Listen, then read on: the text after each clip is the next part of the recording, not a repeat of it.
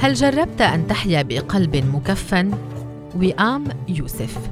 هذا سرد مبعثر كما الأيام التي نعبرها كحال السوريين الممزق بين أرض ابتلعتهم وسماء لفظتهم. خيط واحد يعقد السرد جغرافية الفقد والخوف. هذه أصوات بعيدة نجت من الزلزال بأجساد حية وقلوب كفنها الفزع. أكتب عنها لعلها تصل ولعلي أنجو من عجزي عندما كانت تنزل القذائف وتهرع العائلة مفزوعة إلى قبو البيت يقول جاد لأمه كم أحسد الأموات يا أمي فهم لا يشعرون بالخوف الذي نحسه. يكبر خوفه مع مرور سنوات الحرب ثم ينكمش مع زيادة وعيه وخفوت ضجيجها. أما الندوب فلن تختفي بل ستحيا مجددا وقت الزلزال.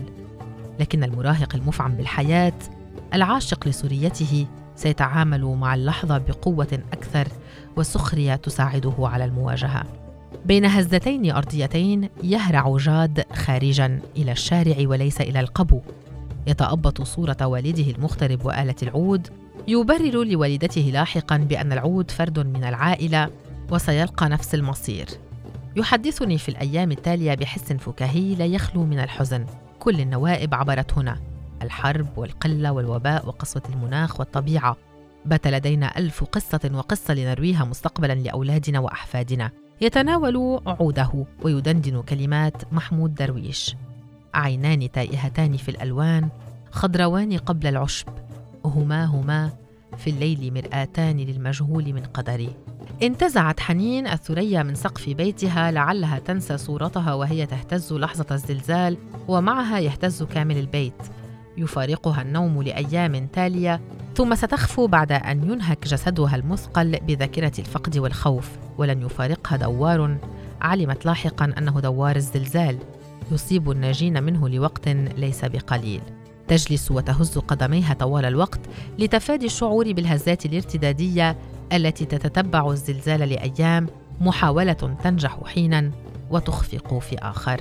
لأكثر من عقد تكيفت الجميلة الأربعينية مع جنون الحرب مع الخوف من الغد من السرقة من الخطف من أبواب جهنمية لن تفتح في غير هذه البقعة. كان أمانها روتين يومها وجدران بيتها التي سقط بعضها بعد أن منحتها اذنا بالهروب وبالكثير من الخوف.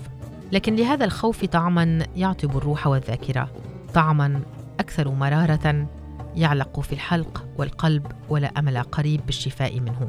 أقسم إن هذا الخوف سيلازمني فيما تبقى من حياتي. كذلك صوت الأرض وهي تطقطق تحتي. نعم تطقطق. لن أستطيع التحرر منه.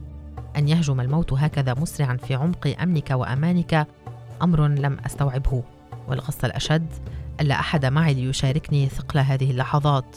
وحيدة أناجي الله ألا تسقط فوق الجدران أو تبتلعني الأرض لا أريد أن أموت وحيدة بصوت يرتعش وأنفاس متسارعة تحكي الجدة أم عامر لحظات الهلع التي عاشتها تترحم على من غابوا وترجو السلام والصبر للمصابين والثكالى. السبعينية التي واجهت الحياة وضروبها المختلفة شيدت بيتا من المثقفين والصلحاء بصبرها وخيط إبرتها. وها هي تمضي خريف عمرها وحيدة بعدما فرغ البيت من ساكنيه. وكل طار لمستقره. تحاول التأقلم مع ما يعصف هذه البلاد من كوارث ومحن لا آخر لها. تتابع.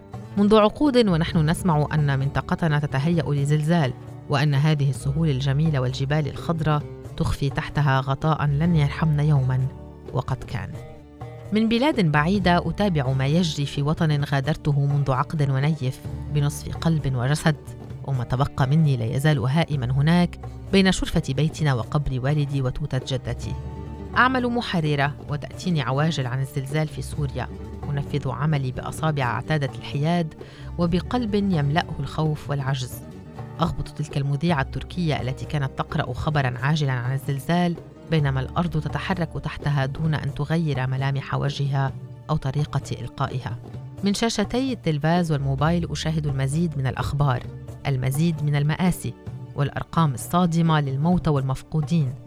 تلهمني قصة الأم التي خبأت أطفالها في الخزانة فنجوا جميعا وأخرى اختبأت وولديها في شرفة منزلها فسقطت بهما دون أذى لهما. وثالثه رمت بابنها ليتلقفه آخرون في الشارع بينما لم يسعفها الوقت لتلحق به.